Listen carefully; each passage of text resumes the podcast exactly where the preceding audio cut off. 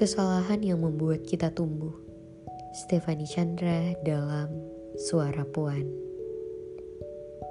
Hai, aku Dila. Dengarkan suara yang mengudara. Kali ini kita bacakan narasi mereka tentang segala hal yang kita lakukan yang tidak mungkin sempurna pada kali pertama. Selamat mendengarkan podcast Suara Darah. Akui saja, setiap manusia yang hidup pasti pernah melakukan kesalahan.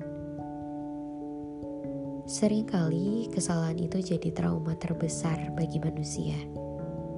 Banyak dari kita yang kemudian melanjutkan hidup dengan hilang rasa percaya. Entah itu pada diri sendiri atau pada orang lain yang pernah melakukan salah pada kita. Tak jarang juga kesalahan yang kita buat justru menjadi identitas diri. Bagaimana kita kemudian memberi label buruk pada diri kita, entah itu jahat, entah itu gagal, entah itu tidak layak. Begitu terus, sampai-sampai dalam hati tak ada lagi ruang untuk penerimaan dan apresiasi. Dan akhirnya, kita jadi takut untuk melangkah, sebab dibayangi oleh awan gelap itu. Kita takut kesalahan yang sama akan terulang. Kita takut efeknya berkepanjangan dan mengubah cara orang lain melihat kita. Karena ya, itu tadi kita merasa kalah dan tidak mampu melakukan yang benar. Jadi memilih untuk lebih baik diam saja di tempat tapi apakah benar demikian? Apakah kita mau kesalahan jadi tolak ukur pilihan, kesempatan, dan jalan yang mau kita ambil di dalam hidup?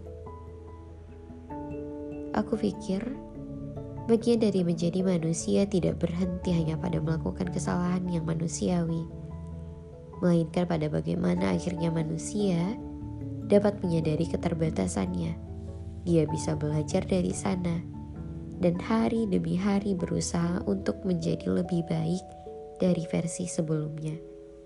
Sebab pada akhirnya kita tidak dinilai dari masa lalu kita saja. Karena hidup memang harus berjalan ke depan. Tapi kita dinilai dari tiap aksi dan pilihan kita untuk berubah. Selangkah demi selangkah, tapi tak pernah berhenti memang tidak akan pernah sempurna, tapi setidaknya kita mau untuk terus berusaha.